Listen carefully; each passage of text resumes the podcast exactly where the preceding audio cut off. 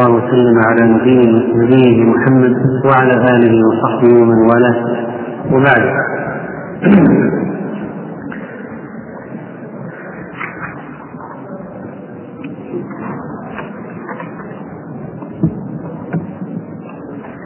فهذه قصة عظيمة جليلة من قصص السورة من قصص السيرة النبوية. حدثت في أواخر عهد النبي صلى الله عليه وسلم. وذلك عندما خرج عليه الصلاة والسلام في غزوة تبوك تلك الغزوة العظيمة التي كان فيها كشف لأسباب المنافقين. وبين الله سبحانه وتعالى فيها للمؤمنين بينات من الهدى. وحصل فيها حكم وأحكام من رب العالمين لعباد الله المؤمنين. وكان في هذه القصة أن النبي صلى الله عليه وسلم لما أراد أن يغزو جهة تبوك بين للناس بين للناس طريقه وذلك أنه كان يريد كان يريد عدوا كثيرا. فأراد أن يتأهب الناس وأن يأخذوا عدتهم واستعدادهم الكامل. فبين لهم نبي الله صلى الله عليه وسلم وجهته وكان كعب بن رضي الله عنه من الصحابة الذين أمروا بالنفير فجعل يعد نفسه ويمنيها بأنه سيستعد اليوم أو غدا أو بعد غد ويخرج مع النبي صلى الله عليه وسلم. وحدثت هذه هذه الغزوة في وقت طابت فيه الهلال والثمار وصار هناك جواد تجذب الناس للقعود. وقعد أناس كثير من المنافقين. وأما كعب رضي الله عنه فإنه صار يسوس. حتى تفارق الأمر وخرج الجيش ولا زالت نفسه تقول له تتجهز اليوم أو غدا وتلحق بهم. قال ليتني فعلت لكن لم يكتب ذلك. وتفارق الغزو وابتعد الجيش. ولما أقبل في طريق العودة ووصلت الأخبار حضر كعبا همه ماذا يفعل؟ وماذا يقول للنبي صلى الله عليه وسلم الآن؟ وسيقدم المدينة ويجلس للناس ويستمع لأهل الأعذار. ولما دخل رسول الله صلى الله عليه وسلم المدينة بدأ بالمسجد فصلى فيه ركعتين ثم جلس للناس. فجاءه المخلفون فطفقوا يعتذرون إليه ويحلفون له وكانوا بضعة وثمانين رجلا. فقبل منهم رسول الله صلى الله عليه وسلم علانيتهم وبايعهم واستغفر لهم ووكل سرائرهم من الله. وجاءه كعب بن مالك فلما سلم عليه تبسم صلى الله عليه وسلم تبسم المغضب. ثم قال له تعال قال فجئت امشي حتى جلست بين يديه. فقال لي ما خلفك؟ الم تكن قد ابتعت ظهرك؟ فقلت بلى إني والله لو جلست عند غيرك من أهل الدنيا لرأيت أن أخرج من سخطه بعذر ولقد أعطيت جدله. ولكني والله لقد علمت إن حدثتك اليوم حديث كذب ترضى به علي ليوشكن الله أن يسخطك عليه. ولئن حدثتك حديث صدق تجد علي فيه إني لأرجو فيه عفو الله عني. والله ما كان لي من عذر. والله ما كنت قط أقوى ولا أيسر مني حين تخلفت عنه. فقال رسول الله صلى الله عليه وسلم أما هذا فقد صدق. فقم حتى يقضي الله فيك. فقمت وسار رجال من بني سلمة. فاتبعوني يؤنبوني فقالوا لي والله ما علمناك كنت أذنبت قبل هذا. والله ما علمناك كنت أذنبت ذنبا قبل هذا. ولقد عجزت ألا تكون اعتذرت إلى رسول الله صلى الله عليه وسلم لما اعتذر إليه المخلفون. فقد كان كافيك ذنبك استغفار رسول الله صلى الله عليه وسلم لك. قال فوالله ما زالوا يؤمدوني حتى أردت أن أرجع. فأكذب نفسي. ثم قلت لهم هل لقي هذا معي أحد؟ قالوا نعم. رجلان.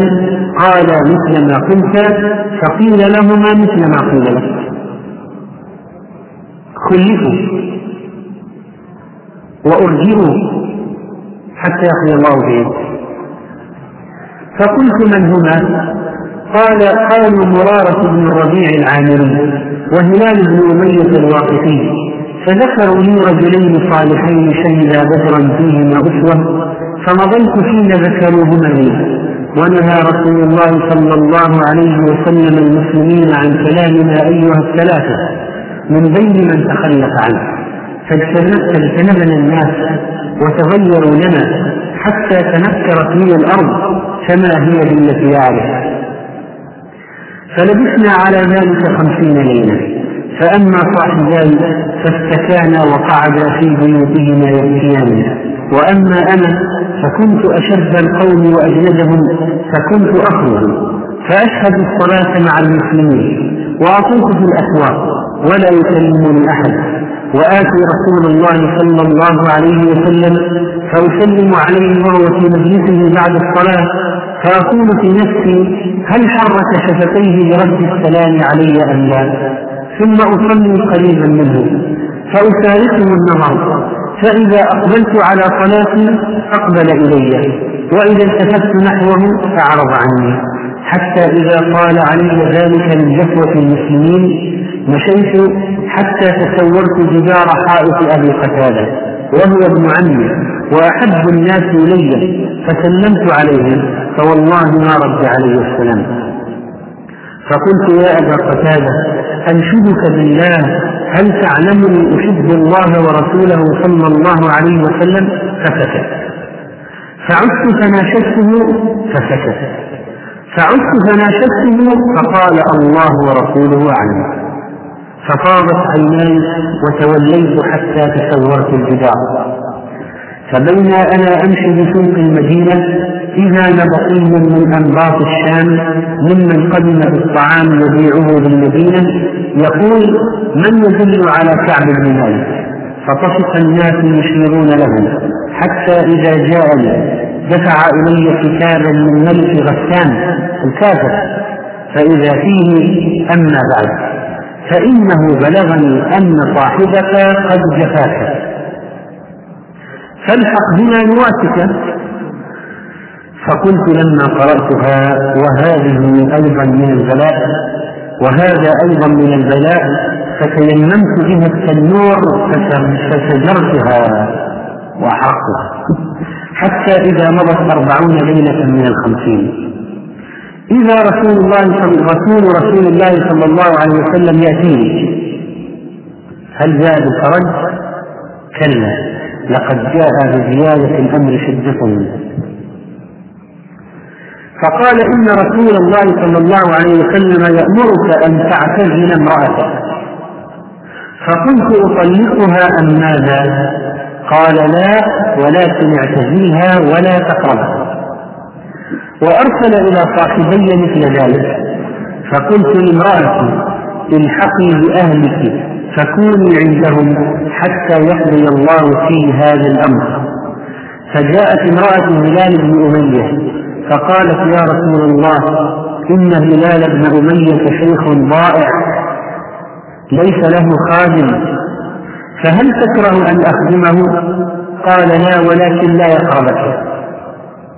قال لا ولكن لا يقرب فيه قالت إنه والله ما به حركة ولا شيء. والله ما زال يبكي منذ, منذ كان من أمره ما كان إلى يومه هذا. قال كعب فقال لي بعض أهلي لو استأذنت رسول الله صلى الله عليه وسلم في امرأتك كما أذن لامرأة هلال بن أمية أن تخدمه فقلت والله لا أستأذن فيها رسول الله صلى الله عليه وسلم وما يدريني ما يقول رسول الله صلى الله عليه وسلم إذا استأذنته فيها وأنا رجل شاب. ولبثت بعد ذلك عشر ليال حتى كملت لنا خمسون ليلة. من حين نهى رسول الله صلى الله عليه وسلم عن كلامنا فلما صليت صلاة الفجر صبح خمسين ليلة على سطح بيت من بيوتنا بين أنا جالس على الحال التي ذكر الله تعالى قد ضاقت علي نفسي وضاقت علي الأرض بما رحبت. سمعت صوت صارخ أوفى على جبل قلع بأعلى صوته. يا كعب بن مالك أبشر. فخرجت ساجدا. فعرفت أن قد جاء فرج من الله. وآذن رسول الله صلى الله عليه وسلم بتوبة الله علينا حين صلى الفجر. فذهب الناس يبشروننا وذهب قبل صاحبي يبشرون. وركب إلي رجل فرسا. وسعى ساع من أسلم. فأوفى على ذروة الجبل. وكان الصوت أسرع من الفرس المبشر بصوت وصل خبره قبل المبشر بفرس فلما جاء الذي سمعت صوته يبشرني نزعت له ثوبي فكسوته إياهما ببشرى. والله ما أملك غيرهما. واستعرت ثوبين فلبستهما فانطلقت إلى رسول الله صلى الله عليه وسلم فتلقاني الناس فوجا فوجا يهنئونني بالتوبة يقولون ليهلك توبة الله عليك. قال سعد حتى دخلت المسجد فإذا رسول الله صلى الله عليه وسلم جالس حوله الناس فقام إلي طلحة بن عبيد الله يهرول حتى صافحني وهنأني. والله ما قام إلي رجل من المهاجرين غيره. ولست أنساها لطلحة فلما سلمت على رسول الله صلى الله عليه وسلم قال وهو يبرق وجهه من السرور أبشر بخير يوم مر عليك منذ ولدتك أمك. قلت أمن عندك يا رسول الله؟ أم من عند الله؟ قال لا بل من عند الله. وكان رسول الله صلى الله عليه وسلم إذا سر استنار وجهه حتى كأنه قطعة قمر. وكنا نعرف ذلك منه. فلما جلست بين يديه قلت يا رسول الله إن من توبتي أن أنخلع من مالي صدقة إلى الله وإلى رسوله. فقال أمسك عليك بعض مالك فهو خير لك. قلت فإني أمسك سهمي الذي بخيبر. فقلت يا رسول الله إن الله إنما نجاني بالصدق وإن من توبتي ألا أحدث إلا صدقا ما بقيت. فوالله ما أعلم أحدا من المسلمين. أبلاه الله في صدق الحديث منذ ذكرت ذلك لرسول الله صلى الله عليه وسلم إلى يوم هذا ما أبلاني والله ما تعمدت بعد ذلك إلى يوم هذا كذبا وإني لأرجو أن يحفظني الله فيما بقيت. فأنزل الله تعالى على رسول الله صلى الله عليه وسلم لقد تاب الله على النبي والمهاجرين والأنصار إلى قوله يا أيها الذين آمنوا اتقوا الله وكونوا مع الصادقين فوالله ما أنعم الله علي نعمة قط بعد أن هداني للإسلام أعظم في نفسي من صدق رسول الله صلى الله عليه وسلم أن لا أكون كذبته. فأهلك كما هلك الذين كذبوا. فإن الله قال للذين كذبوا حين أنزل الوحي شر ما قال لأحد. قال سيحلفون بالله لكم إذا انقلبتم إليهم إلى قوله فإن الله لا يرضى عن القوم الفاسقين. وكان تخلفنا أيها الثلاثة عن أمر أولئك الذين قبل منهم رسول الله صلى الله عليه وسلم حين حلفوا له فبايعهم واستغفر لهم وأرجأ أمرنا حتى قضى الله فيه. فبذلك قال الله وعلى الثلاثة الذين خلفوا. ليس الذي ذكر الله مما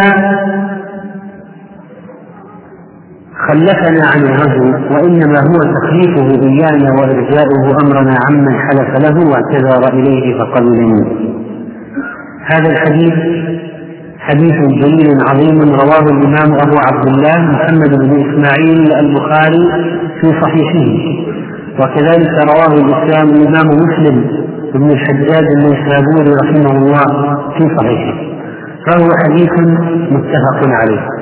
فيه إشارة عظيمة فيه فوائد عظيمة وحكم بالغة وأحكام أيضا ومن ذلك استعمال التورية في الحروب إخفاء لأمر المسلمين عن الأعداء. ولكن في هذه الغزوة لم تكن هناك تورية لأن أسبابا كانت تدعو إلى إظهار الأمر وهو قوة العدو وكثرته لأن النبي صلى الله عليه وسلم يريد أن يغزو الروم والروم أكثر من العرب و أشد استعدادا وقوة وبأسا فلذلك لم يوري وصرح بالجهاد. وكذلك في هذا في هذه القصة وجوب الجهاد بالمال كما يجب بالنفس. وجوب الجهاد بالمال كما يجب بالنفس. وإعداد العدة للجهاد في سبيل الله. وقد حدث في هذه الغزوة من وفاق الصحابة ما حدث من عثمان رضي الله عنه. الذي جهز هذا الجيش وشارك في تجهيزه وكذلك في هذه القصة أن ديار المغلوب عليهم إذا مر بها الإنسان المسلم فإنه لا يدخلها ولا يقيم بها بل يسرع السير ويتقنع بثوبه حتى يجاوزها. ولا يدخل عليهم إلا باكيا معتذرا وقد حدث في هذه القصة لما ذهب النبي عليه الصلاة والسلام إلى تبوك أنه مر مر بديار ثمود. ونهى عن شرب مائها. وأمر بأن تعطى يعطى العجين الذي عجن بماء آبار القوم الذين لعنوا ونزل عليهم العذاب أن يعطى للإبل ولا يأكل منه الناس. وتقنع النبي صلى الله عليه وسلم وعبر ذلك الوادي خائفا من الله عز وجل وأمر أصحابه بذلك لأن هذا قوم هذا مكان نزلت عليه لعنة الله وعذابه وغضبه فكيف يدخله الإنسان؟ كيف يدخل الإنسان غافلا لاهيا ساهيا متفردا ولذلك هؤلاء الذين يذهبون اليوم إلى هذه الأماكن بزعم أنها أماكن أثرية ويصطحبون معهم الكاميرات للتصوير والتقاط الصور التذكارية ويسمونها رحلات سياحية. ظلمة فسقة مخالفون للأمر الشرعي. هذه الديار الذين ظلموا أنفسهم. لا تدخلوها إلا باكين. يصيبكم ما أصابهم.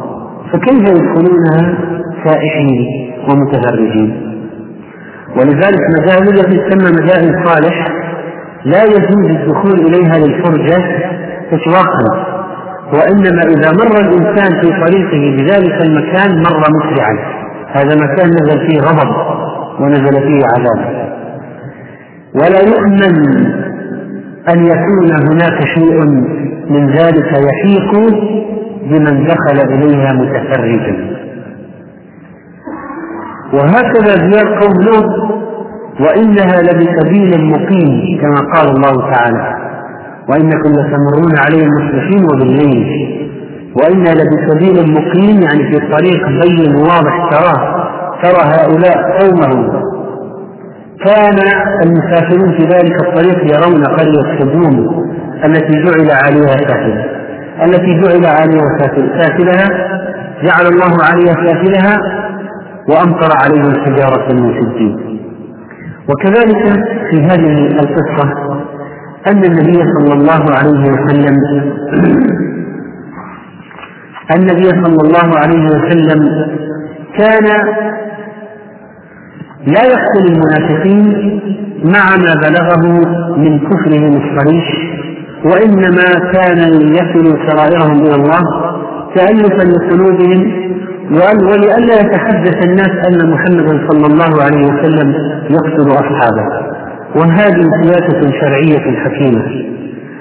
وبعد نظر من النبي عليه الصلاة والسلام فإن جمع كلمة الناس عليه جمع كلمة العرب وعدم تنفير الناس والإسلام بعد في غربة ورسول الله صلى الله عليه وسلم حريص على مواقفه وحساس جدا في اتخاذ أي شيء يجعل الناس البعيدين عن الموقع أو عن المكان أو عن الظروف والحال يفهمونه خطا يقولون محمد يقتل أصحابه. ولذلك ترك قتلهم مع أنه صدر بعض الكفر صريح وقال واحد يا محمد. قال له اعدل اعدل. فهذه قسمة ما أريد بها وجه الله أريد وجه الله.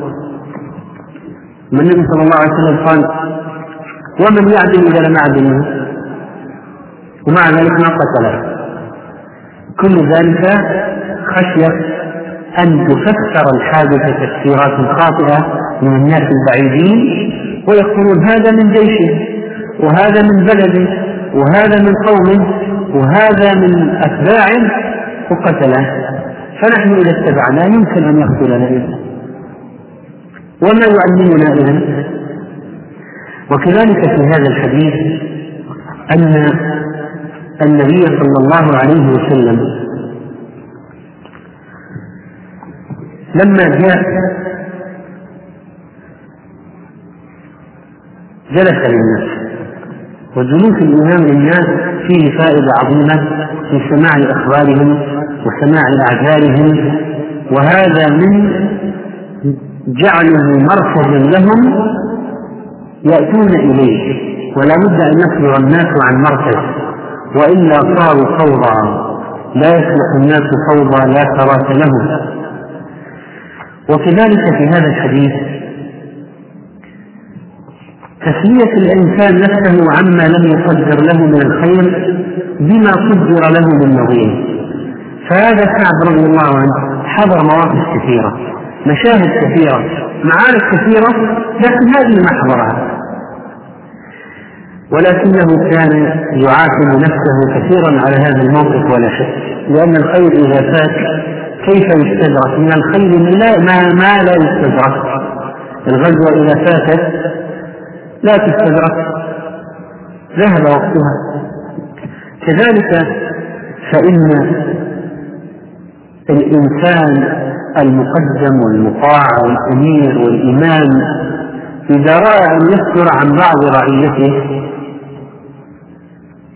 أن يستر عن بعض رعيته بعض الأشياء لا يخبرهم بها للمصلحة فلا بأس بذلك. والنبي صلى الله عليه وسلم في فتح مكة أخبر قوما معينين منهم حافظ وكتم أمر وكتم الأمر عن بقية الناس.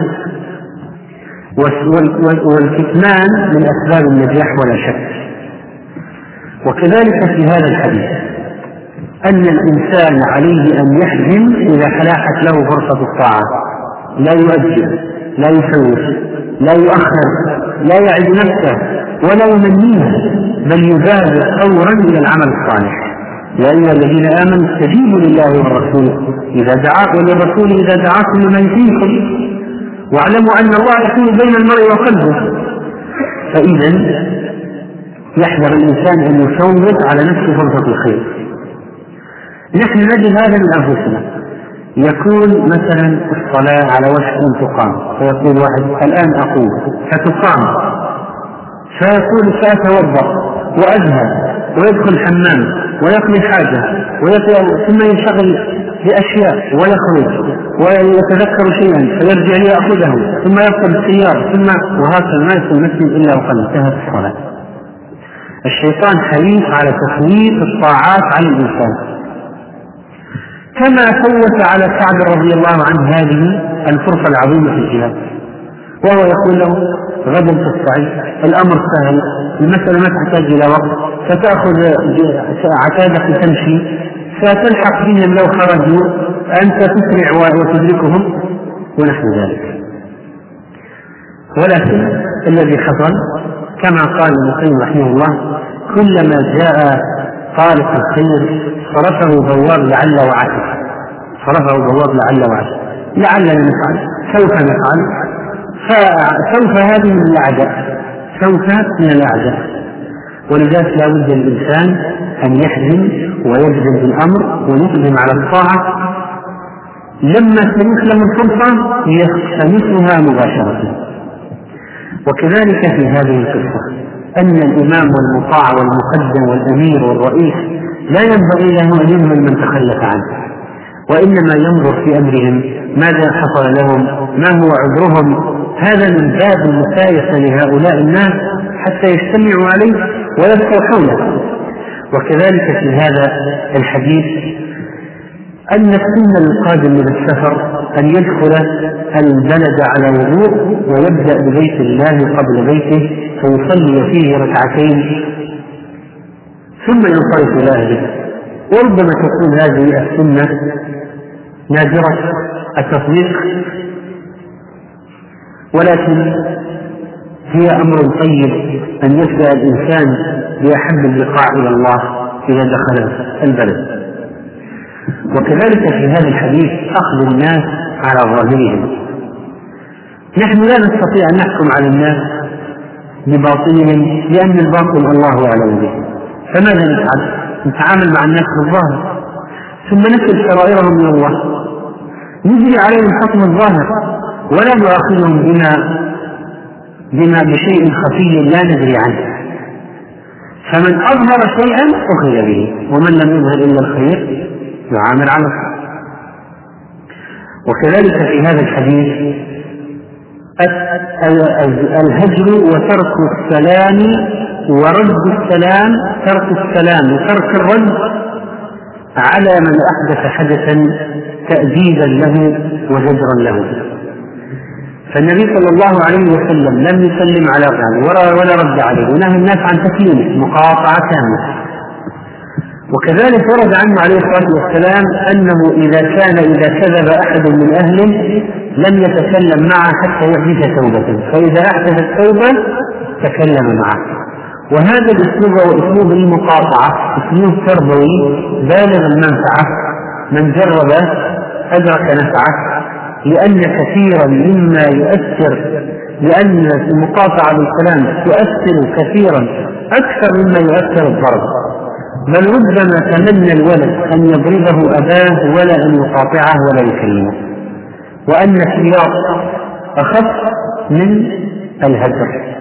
السياق أخف من الهجران في كثير من الأحيان. وكذلك في هذا الحديث أن المعاتبة أن المعاتبة أسلوب تربوي آخر استعمله النبي صلى الله عليه وسلم في هذه القصة. وقال لسعد ما خلفت وقال لحافظ ما حملك على ما صنعت؟ وهكذا كان يتعامل عليه الصلاة والسلام في معاتبة الذين ظهرت منهم الأخطاء. ولا شك أن العتاب فيه معاني الود وحب الخير للمعاتبة وقد تفصل المودة بالعتاب. وكذلك في هذا الحديث استجلاء أعذار الناس الذين أخطأوا أو قصروا استجلاء الأعذار فيه فوائد. أولا قد يتبين أن الرجل ليس بمخطئ. إذا عرفت عذره قد يكون عذر قهري فيكون غير مخطئ. قد يكون مكره قد يكون ناسي قد يكون جاهل غافل. ما ليس شرط أن يكون متعمد ذاكر عاصي. قد يكون معذورا بعذر من الاعراض ثانيا أن الإنسان إذا عرف العذر قد تخف عنده الخطأ في نظر يخف الخطأ في نظره. يكون الإنسان منتفع إلى عقاب شخص. يكون منتفع إلى توجيه شخص بما ظهر له من حد الخطأ فإذا سمع العذر ربما خفف من غلوائه خفف من غضبه خفف من لوم وتعنيف وعقاب لأن المخطئين ليسوا سواء. يكون الإنسان منتفع إلى عقاب شخص. يكون منتفع إلى توجيه شخص. بما ظهر له من حجم الخطأ فإذا سمع العذر ربما خفف من غنوائه خفف من غضبه خفف من لومه وتعنيفه وعقابه لأن المخطئين ليسوا سواء. فبعض المخطئين يعملها عن تبجح وقاح وعناد. وبعضهم قد تغلبه نفسه. يحصل له شيء من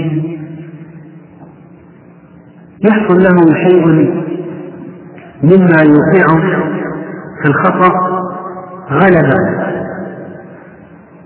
لكنه لم يصل إلى درجة العناد والتمجح فهذا مخطئ وهذا مخطئ ولكن هناك خطأ أكبر من خطأ. وكذلك في هذا الحديث أنه لا حول ولا قوة إلا بالله وأن كعبا لو لم يكتب الله له الصدق لما صدق. والله سبحانه وتعالى قد وفقه وصاحبيه لكي يأتوا بالصدق. وكان ذلك من الله سبحانه وتعالى نعمة لهؤلاء الرجال الثلاثة. وكان هذا الصدق الذي وفقهم الله إليه سببا لتوبته عليهم فيما بعد ورفع درجتهم وأن تكون قصتهم مثلا للذين من بعدهم. وفي الحديث كذلك أن الإنسان إذا اشترك معه غيرة في المصيبة هانت المصيبة وخفت ولا تهنوا في ابتغاء القوم. إن تكونوا تألمون فإنهم يألمون كما تألمون. لكن الفرق أنكم ترجون من الله ما لا يرجون. ولذلك وماذا قالت؟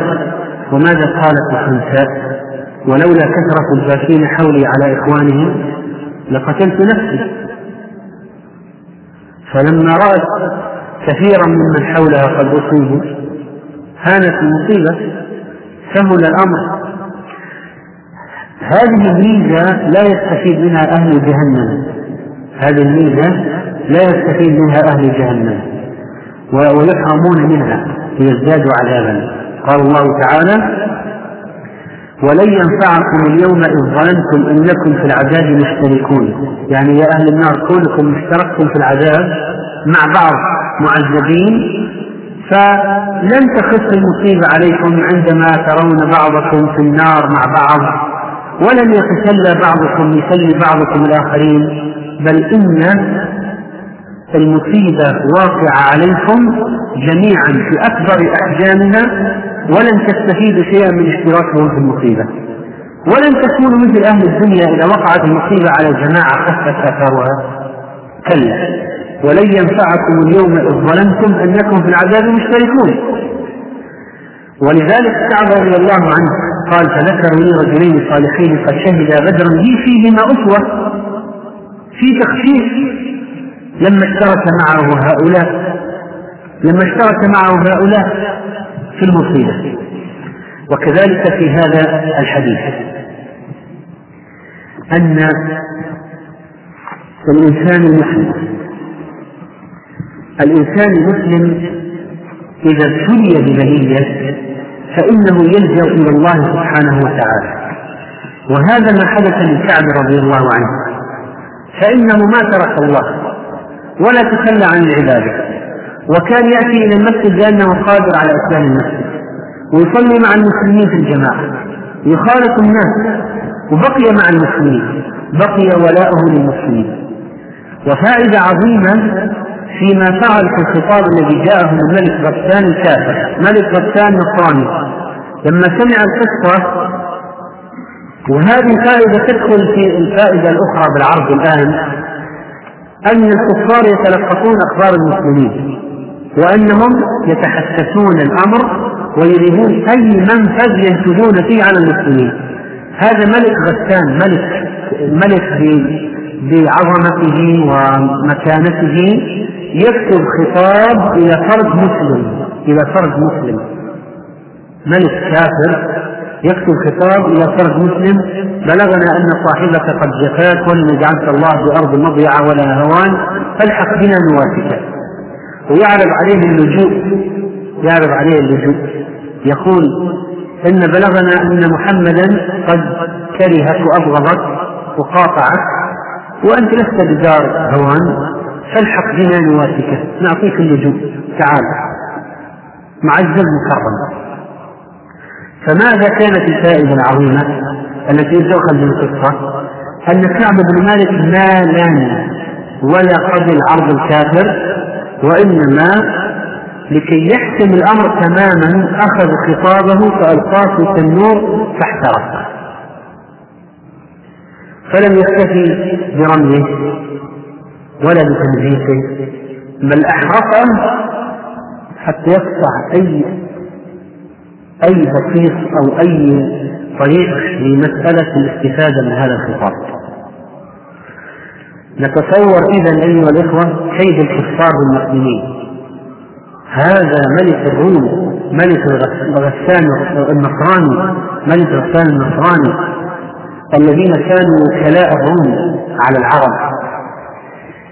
يرسل خطاب مع واحد يتظاهر ببيع بضاعة في المدينة. يسأل عن كعب فيعطيه الخطاب.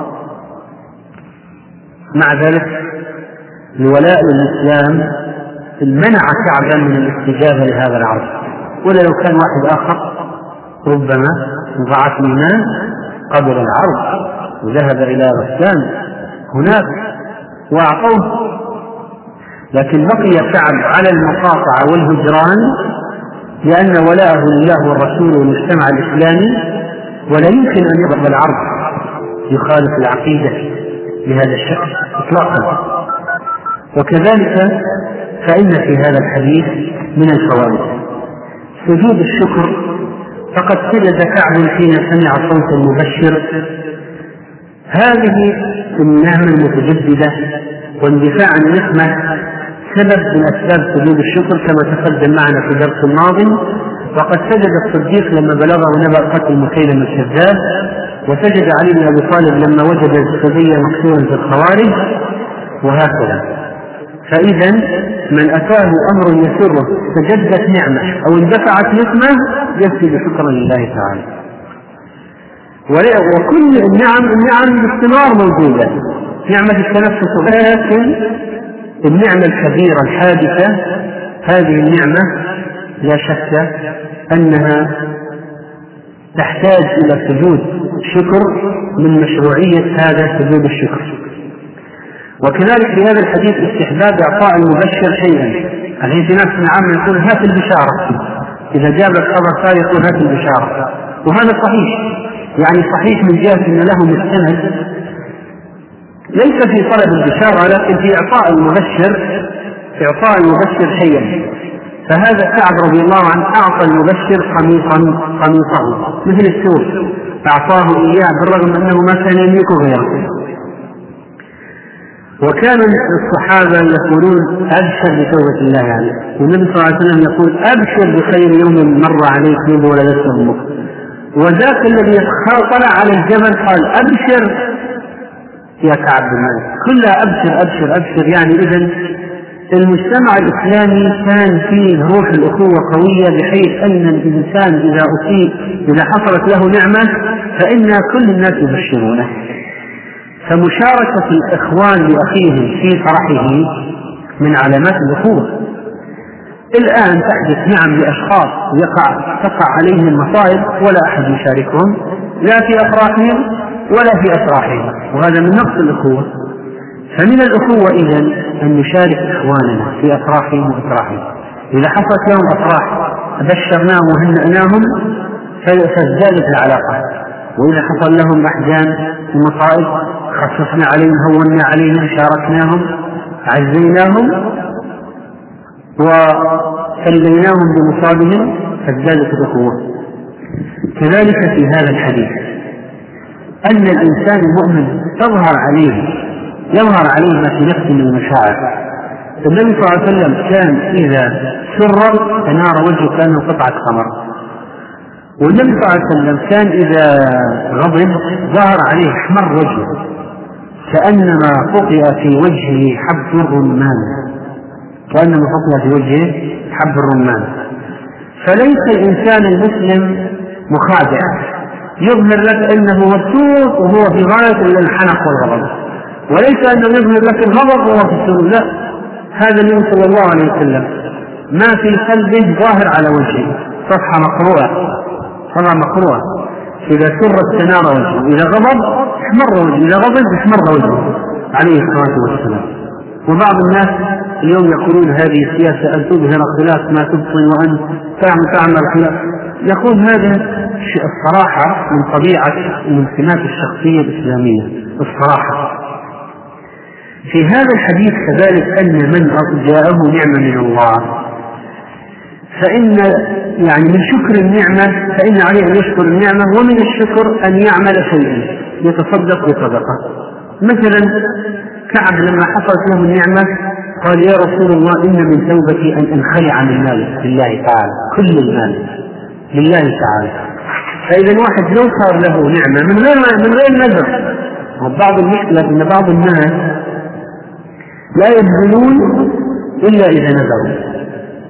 إذا ما نذر ما شيء المؤمن يعطي من غير نذر. كعب ما نذر قال لله علي نذر إن انفرجت الأزمة وإن تاب الله علي وإن حلت المشكلة أن أفعل كذا كذا كذا.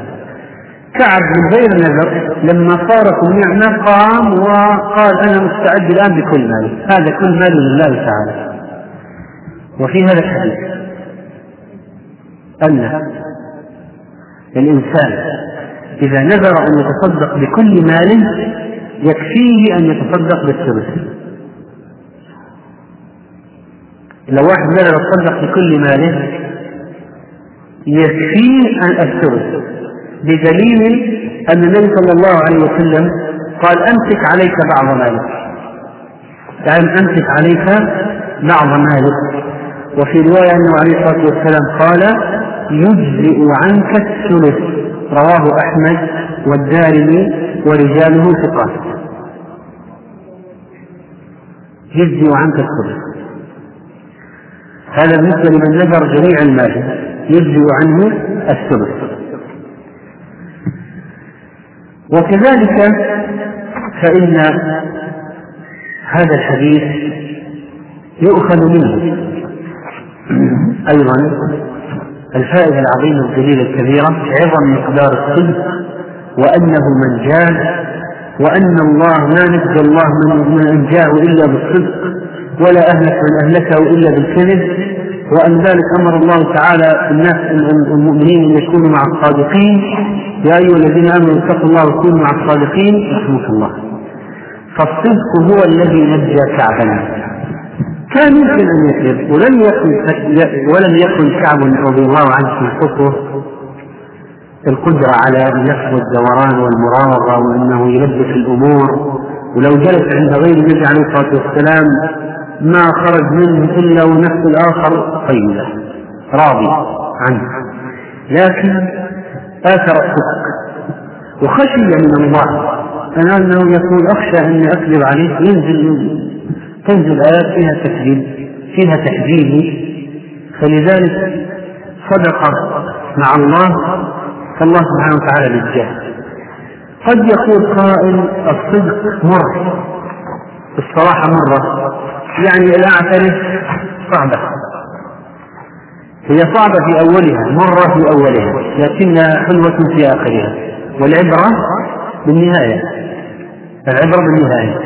اصبر ساعة أحسن من أن تتورط الكذب وثم بعد ذلك تحدث المصيبة العظيمة. كذلك في هذه القصة أن الأموال والنساء البساتين والزراعة والنساء من أسباب الانشغال عن الطاعات ما الذي شغل كعب رضي الله عنه؟ كان له شيء من ذلك. كان له شيء من ذلك أشغله. وحصلت الغزوة في وقت طابت فيه الثمار وصارت فيه الظلال مهيئة ولذلك صار شيء من الانجذاب الدنيا. فإذا صار الإنسان عنده زرع أو عنده مال فليحذر من التخلف عن الجهاد. ولذلك النبي صلى الله عليه وسلم والنبي صلى الله عليه وسلم ربط بين الزرع وبين التخلف عن الجهاد في أي حديث؟ أي حديث؟ غض بأذناب البقر ورضيتم بالزرع وتركتم الجهاد في سبيل الله سلط الله عليكم ذلا لا ينزع عنه فإذا الرضا بالزرع من أسباب التخلف عن الجهاد يعني له جاذبية وله حلاوة تشغل عن الجهاد وكذلك في هذا الحديث تقرير المخبر ما خلفها ألم تكن قد ابتعت ظهرك؟ ناقشها ألم تكن قد ابتعت ظهرك؟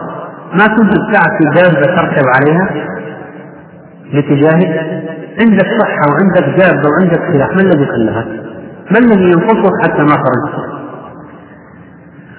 وكذلك في هذا الحديث أن التبسم لا يشترط أن يكون عن رضا فالإنسان قد يتبسم عن غضب. وإذا رأيت نيوب الليث بارزة فلا تظنن أن الليث يبتسم.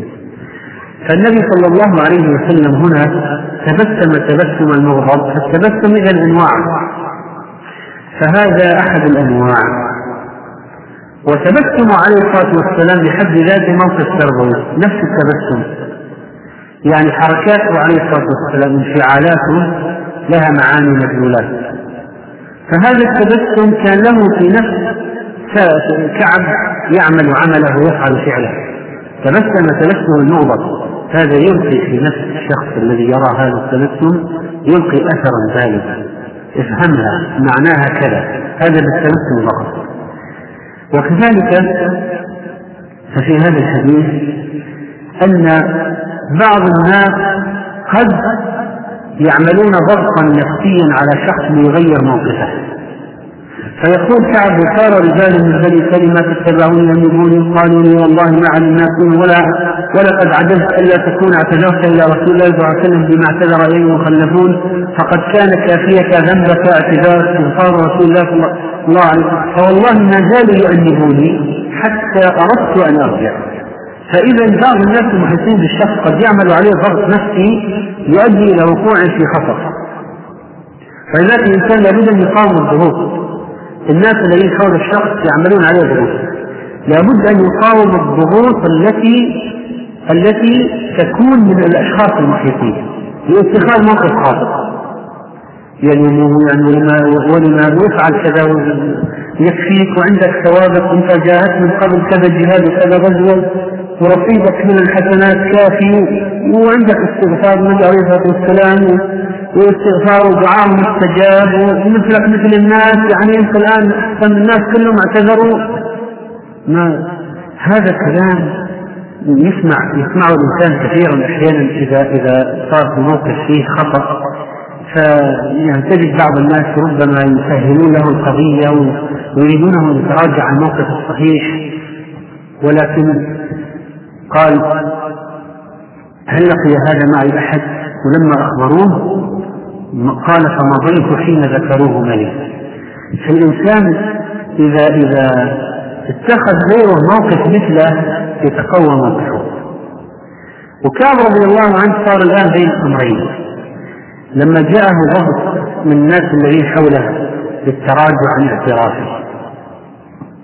وقال قال حتى أردت أن أرجع فأكذب نفسي. يعني تراجع تراجع من الكلام. ولكن لما صار ناس هناك أناس آخرون اتخذوا مسلكه وفعلوا مثله في الصدق قوى ذلك عزيمته على الاستمرار على موقفه. وهذه فائدة وجود ناس صالحين يتخذون معك نفس الموقف. وخطورة وجود ناس حولك يزينون لك الباطل أو الرجوع عن الحق. والإنسان قد يعيش متراوحا بين بين بين كتلتين متجاذبتين وطرفين نقيضين ومجموعتين للناس هؤلاء يقولون افعل كذا هؤلاء يقولون افعل كذا. فالإنسان عليه أن يتبع الحق. ثم في هذا الحديث المستوى المدهش من المستوى المدهش من الانضباط الذي وصل إليه المجتمع المدني في, في مع النبي صلى الله عليه وسلم. مستوى مدهش من الانضباط حقيقة. الآن المجتمع في المدينة كم واحد؟ كعب رضي الله عنه يدخل السوق ما يكلم واحد يذهب المسجد ما يكلم واحد يمشي في الطريق ما يكلم واحد يتصور المزرعة على ابن عمه وأقرب الناس إليه. ما أحد يراه ما بمزرعة يكلمه ما ما يرد عليه. فالمجتمع هذا الذي وصل إلى هذه الدرجة من الانضباط لما أمرهم الإمام والأمير بأمر قوم يرون الحق نصر أميرهم ويرون طاعة أمره إيمانه لما يأمرهم بمقاطعة كعب وصاحبه وكل المجتمع يستجيب ولا واحد يخالف ولا واحد يتكلم مع كعب ولا واحد يلين وأكثر شيء فعله ولد عم كعب أنه قال الله ورسوله عنه. حتى نعم ما قال له. ما قال نعم أنت تحب الله. فلا فهذا مجتمع لا يستحق النصر. هذا مجتمع يستحق أن يسود المجتمعات هذا مجتمع يستحق أن يكون له السيادة والقوة في الأرض.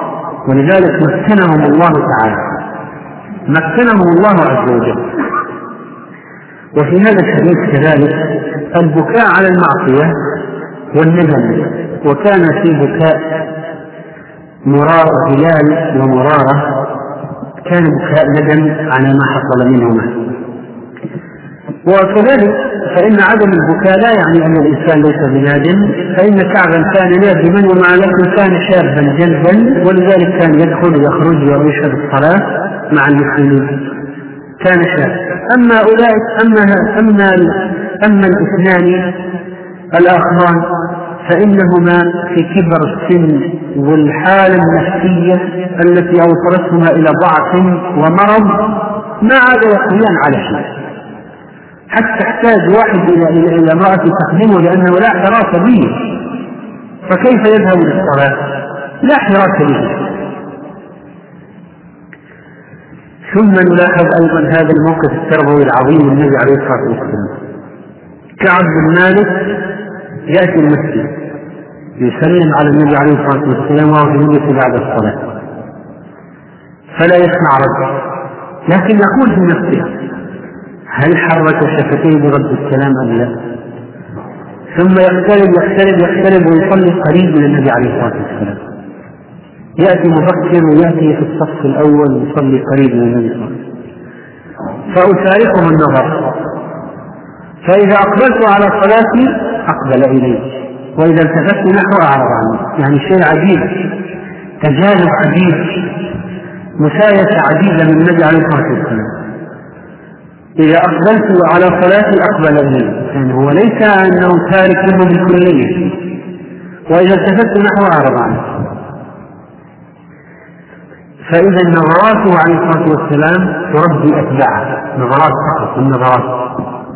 بالنظر كما أنه بالتبسم وبهذا وبالنظر فإذا أقبلت على صلاتي أقبل إلي وإذا التفت نحو أعرض عني كذلك في هذا الحديث الأدب مع العالم ومع النبي عليه الصلاة والسلام فإن كعبا جاء فقعد بين يديه فيأتي إلى الوقعد بين يديه. ما يجلس يمين ولا يجلس شمال ولا يجلس من وراء ولا يقوم جاء قال قعدت بين يديه. وهذا أدب ولا شك في الجلوس مع العالم. وفي هذا الحديث أيضا أن الإنسان لا يستجيب للأعذار الواهية التي تقترح عليه. فبعض يقول بعض أهل كعب لو استأذنت رسول الله في امرأتك كما أذن امرأة هلال بن أمية أن تخدمك اقترح يعني. تعامل بالمثل فرفض. رفض ذلك. رفض ذلك. وفي هذا الحديث أيضا أن الإنسان المسلم قد تضيق عليه الأرض بما رحبت وذلك للغرب نفسه يعيش فيه يؤدي إلى هذا الضيق. ومن لعل هذا يكون من أسباب المعصية أن تضيق الأرض على الإنسان بما رغبت وقد يكون نتيجة الظلم في كثير من الأحيان تضيق الأرض على الإنسان بما رغبت وكذلك في هذا الحديث اهتمام سعى في ان تكون معرفة البشرى هذه الخبر من الله ومن النبي صلى الله عليه وسلم. لأن اذا صارت من الله معناها دخل التاريخ من أوسع أبوابه لأن معناها القضية صارت وحي. وهذا حصل. والآن قصة فيما الآيات المتعلقه بالكعبه رضي الله عنه في القرآن وعلى الثلاثة وهو واحد منهم الذين خلفوا.